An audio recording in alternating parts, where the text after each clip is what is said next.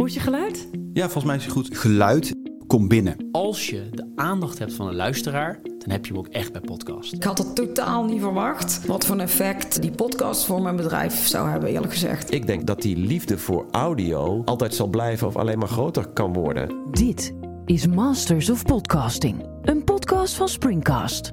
In deze show duiken we diep in de wereld van de zakelijke podcast. We hebben een soort motto en dat is uh, gesloten waar het moet, open waar het kan. En wij zijn een stuk opener dan je zou denken.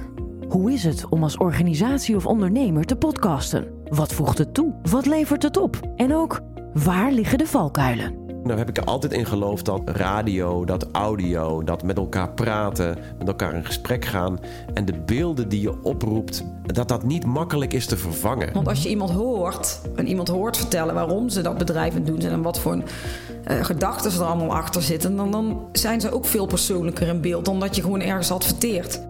In Masters of Podcasting spreken we experts en ervaringsdeskundigen over hun podcast journey, zodat we jou verder kunnen helpen bij het ontwikkelen van jouw podcast. Haal er goede mensen bij. Ik denk dat er geen medium uh, op de wereld op dit moment is waarbij je dus de luisterbereidheid hebt van tussen de 45 en 90 minuten die zo schaalbaar is als podcast. Masters of Podcasting.